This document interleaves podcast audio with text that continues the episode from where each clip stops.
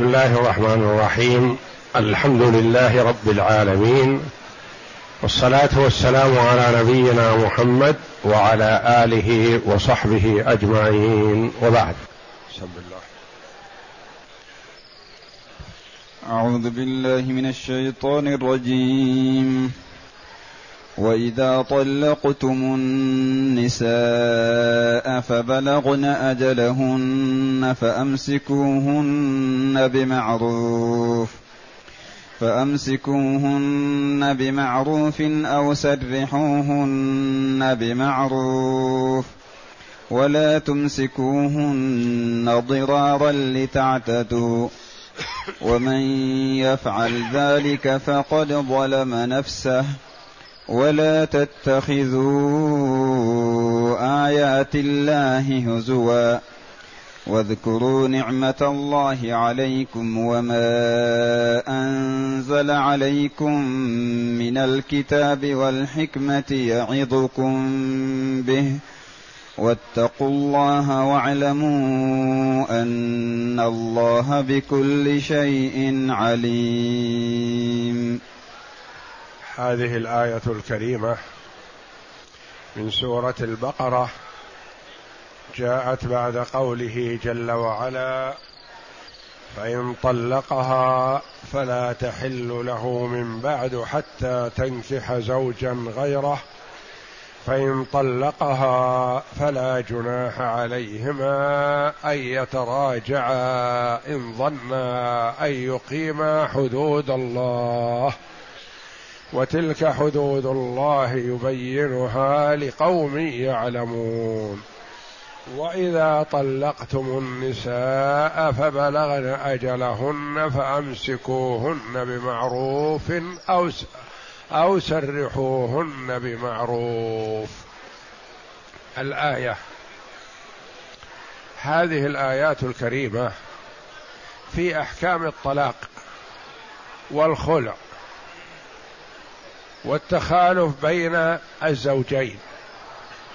فالله جل وعلا بين لعباده كل أمور دينهم ودنياهم وما ينفعهم في دنياهم وما ينفعهم في آخرتهم وما ينبغي أن يتعاملوا به مع الله جل وعلا ومع عباد الله من أقارب من والدين وأولاد وإخوة وأسرة وجيران وغيرهم من المسلمين وحتى التعامل مع الكفار كيف يتعاملون وفرق جل وعلا بين كافر محارب وبين كافر غير محارب.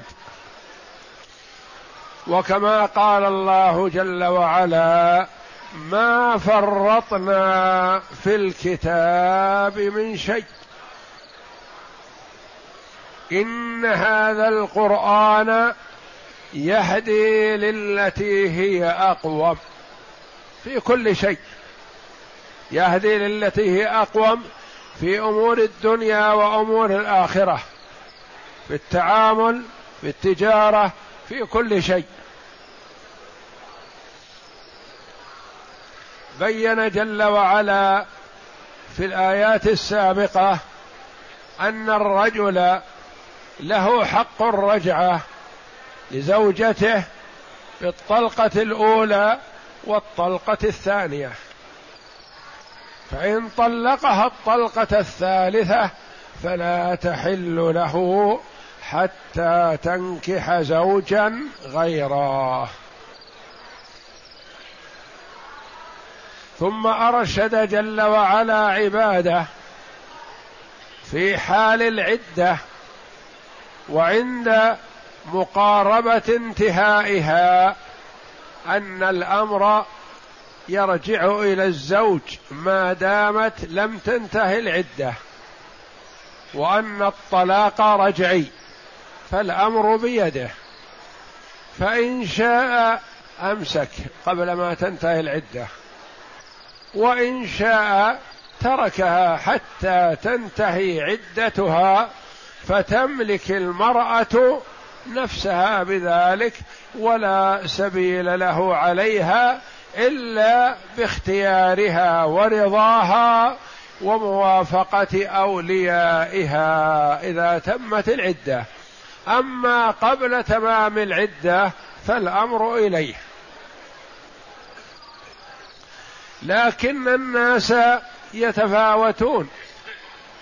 منهم ذا الخلق الحسن ومنهم من لا يحب الإضرار ولا يريد الإساءة.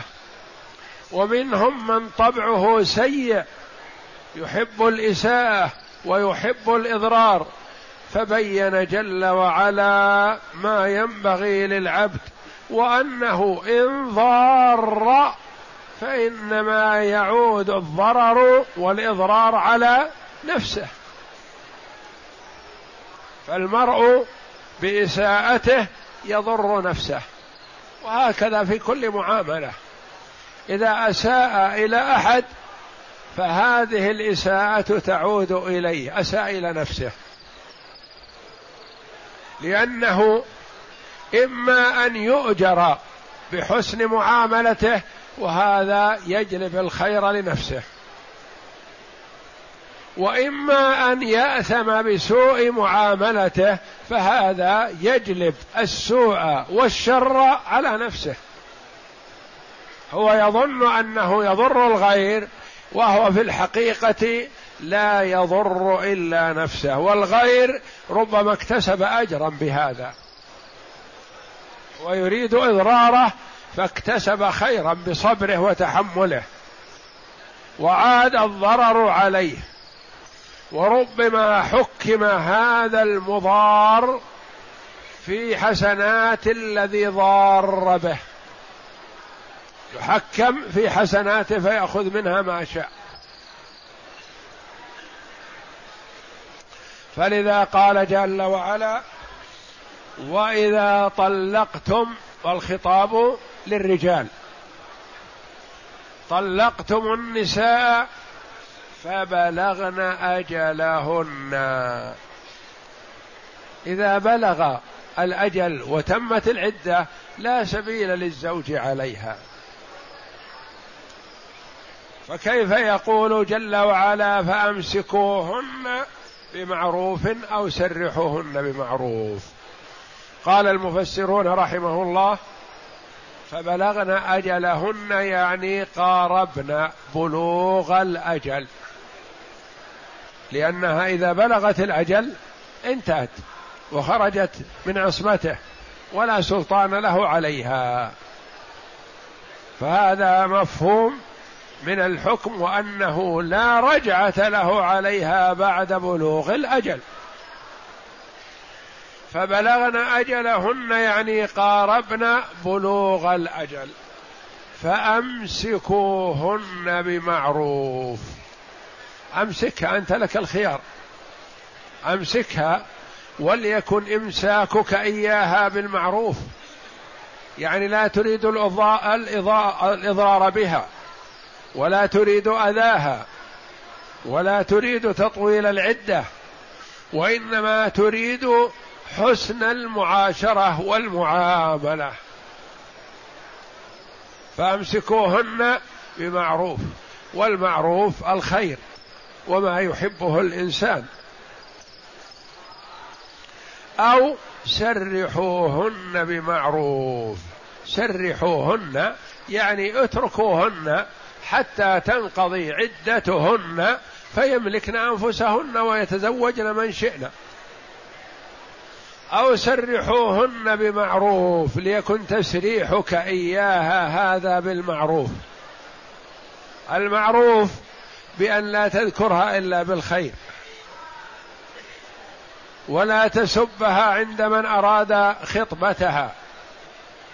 ولا تذكرها بالمجالس بأن فيها وفيها. تنفر الناس عن خطبتها.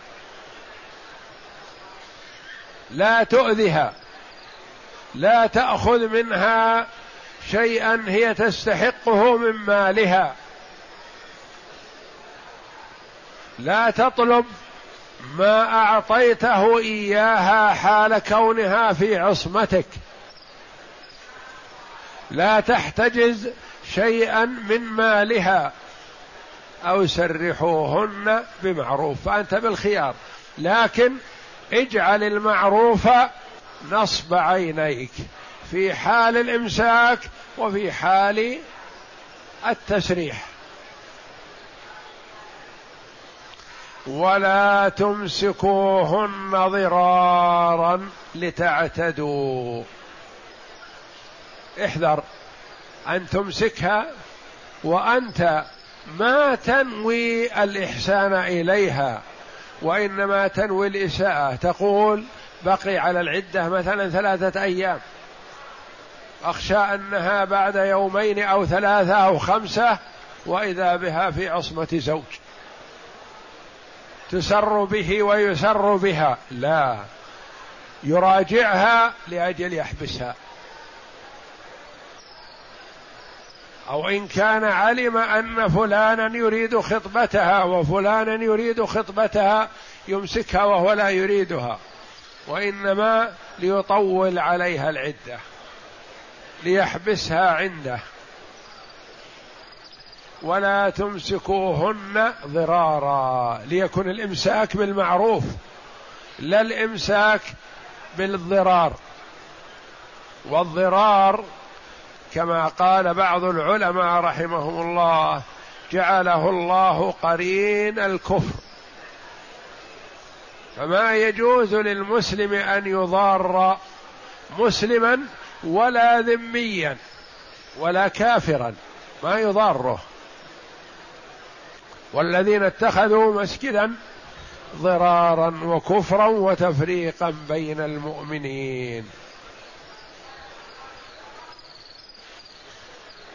ولا تمسكوهن ضرارا. لا تمسكها من أجل أن تفتدي نفسها منك. تتأسف وتتحسف أنك طلقتها بدون عوض. تقول امسكها ولا أطلقها إلا بعوض كثير. ولا تمسكوهن ضرارا لحرمانها من الزواج بغيرك.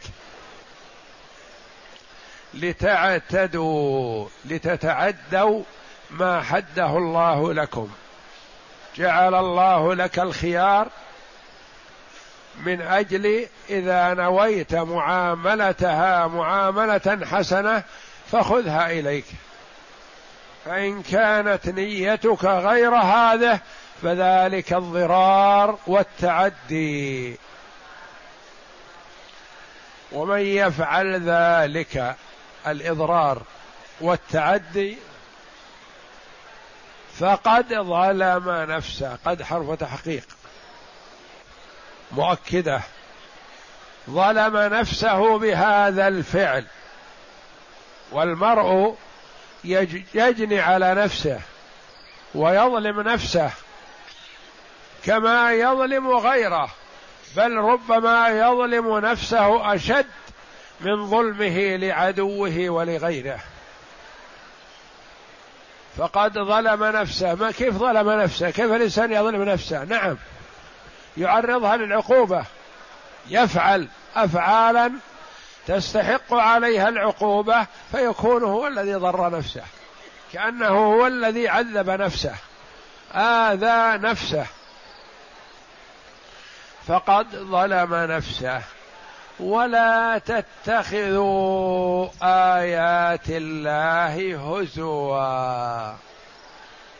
آيات الله أحكامه وشريعته وبيانه وحلاله وحرامه كلها جد وأحكام واضحة صريحة ملزمة للعباد لا يجوز لهم التهاون بها ولا التساهل فيها. ولا تتخذوا آيات الله هزوا. ولا تستهزوا بالطلاق. لا تستهزوا بالرجعة. لا تستهزوا بالعتق. لا تستهزي بالنكاح. كلها أمور جدية. ويجب أن تأخذها بعين الجد والاهتمام. ولا تقل أنا هازل أو أنا لاعب. فالله جل وعلا كفر من استهزأ بآيات الله. ولئن سألتهم ليقولن إنما نخوض ونلعب. قل أب الله وآياته ورسوله كنتم تستهزئون؟ لا تعتذروا قد كفرتم بعد إيمانكم. فللجد مواطن وللتساهل والتهاون والاستهزاء مواطن. لكن حذاري أن يكون الاستهزاء بحكم من أحكام الله أو بسنة من سنن رسول الله صلى الله عليه وسلم فيكون الكفر. استهزأ بشخص لأنه قصر ثوبه رفعه عن الكعبين أخذا بالسنة فيستهزئ به. هذا الضلال. استهزأ به بلحيته. استهزأ به بحلق شاربه وإحفائه استهزأ به بذهابه إلى المسجد. استهزأ به بتضرعه إلى الله جل وعلا وطلبه المغفرة من ربه. هذا ضلال وبعد عن الحق وعن الصراط المستقيم. ولا تتخذوا آيات الله هزوا. الأحكام الشرعية يحرم الاستهزاء بها والاستهزاء بها والعياذ بالله ردة عن الإسلام. من استهزأ بشيء مما جاء به الرسول صلى الله عليه وسلم. واذكروا نعمة الله عليكم. اذكر كنتم في جاهلية جهلا وفي ضلالة عمياء كنتم تتخبطون في الظلام. كنتم لا تميزون بين حلال وحرام وبين منكر ومعروف. كنتم هكذا. فمن الله عليكم بهذه النعمة العظيمة وهي إنزال القرآن على محمد صلى الله عليه وسلم. فالرسول نعمة والقرآن نعمة وبيان أحكام الله نعمة. واذكروا نعمة الله عليكم بهدايتكم إلى الحق وما أنزل عليكم من الكتاب والحكمة. الكتاب والحكمة من نعمة الله جل وعلا وأفردت بالذكر لأهميتها. وللتنويه عنها خاصة وإلا فهي من نعمة الله. واذكروا نعمة الله عليكم. نعمة الله عليكم منها القرآن ومنها الرسول. ثم قال وما أنزل عليكم من الكتاب والحكمة. الحكمة قيل السنة. وقيل المراد بالحكمة بيان حكمة التشريع. يعني أن الله جل وعلا يشرع شيئا ما ويبين للناس حكمته وفائدته ومصلحته التي تعود عليهم. وما أنزل عليكم من الكتاب والحكمة والحكمة إذا كانت السنة فهي منزلة من الله جل وعلا. كما قال عليه الصلاة والسلام ألا إني أوتيت القرآن ومثله معه. فهو أعطي القرآن ومثله وهو السنة. وكما قال الله جل وعلا وما ينطق عن الهوى إن هو إلا وحي يوحى فما يتكلم به النبي صلى الله عليه وسلم وحي من الله جل وعلا. فالسنة موحاه إلى الرسول صلى الله عليه وسلم كما أن القرآن وحي من الله. لكن للسنة أحكام وللقرآن أحكام. وما أنزل عليكم من الكتاب والحكمة يعظكم به.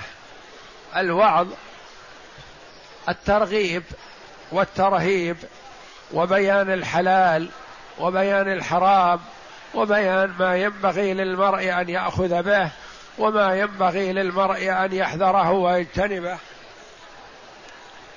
يعظكم به واتقوا الله. كررت التقوى في آيات القرآن كثيرة. وربما ذكرت في الآية الواحدة أكثر من مرة لأهميتها. اجعل تقوى الله نصب عينيك. عند بيعك اتق الله. عند شرائك اتق الله. عند معاملتك اتق الله. عند أكلك اتق الله. عند شربك اتق الله. عند حجك عند عمرتك عند زكاتك عند جميع تصرفاتك اتق الله. اعمل بطاعة الله على نور من الله. رجاء ثواب الله. واحذر معصيه الله على نور من الله خوفا من عقاب الله. واتقوا الله واعلموا أن الله بكل شيء عليم. لا تظن أن ما تفعله من خير يخفى على الله. هو محفوظ لك. ولا تظن أن ما تفعله من شر يخفى على الله وإن خفي على الخلق واحسنوا بك الظن وأنت تضمر السوء فالله جل وعلا مطلع على ذلك. لا تظن أن المرء كما يدرك الناس فالناس قد يثنون على من لا يستحق الثناء. وقد يمكت يمقتون من يستحق المدح. لأن الأول سايرهم فيما يريدون والثاني خالفهم فيما يريدون إلى كتاب الله وسنة رسوله. فرضا الناس لا يدل على رضا الله جل وعلا. اتقوا الله واعلموا أن الله بكل شيء عليم كل من ألفاظ العموم. كل شيء صغير كبير خفي ظاهر بين جليل ضعيف حقير كل شيء يعلمه جل وعلا. يرى ويسمع دبيب النملة السوداء على الصخرة الصماء في ظلمة الليل. جل وعلا. لا تخفى عليه خافية. يعلم خائنة الأعين وما تخفي الصدور. واعلموا أن الله بكل شيء عليم. هذه فيها ترغيب عظيم من الله جل وعلا لعباده المؤمنين. وفيها تخويف شديد من الله لمن خالف أمره. فالآية فيها الترغيب وفيها الترهيب. لا تحقر السوء السوء وإن قل فالله يعلمه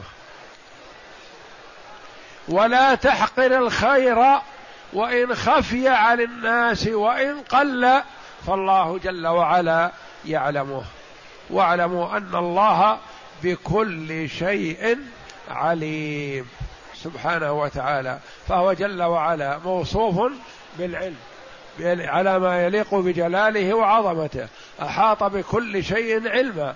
لا تخفى عليه خافية.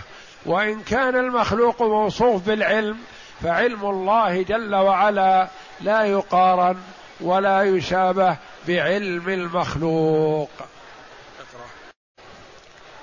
هذا أمر من الله عز وجل للرجال. إذا طلق أحدهم المرأة طلاقا له عليها فيه رجعة.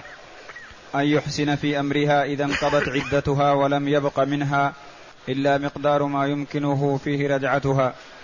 فإما أن يمسكها أي يرتجعها إلى عصمة نكاحه بمعروف وهو أن يشهد على رجعتها وينوي عشرتها بالمعروف أو يسرحها أن يتركها حتى تنقضي عدتها ويخرجها من منزله بالتي هي أحسن من غير شقاق ولا مخاصمة ولا تقابح.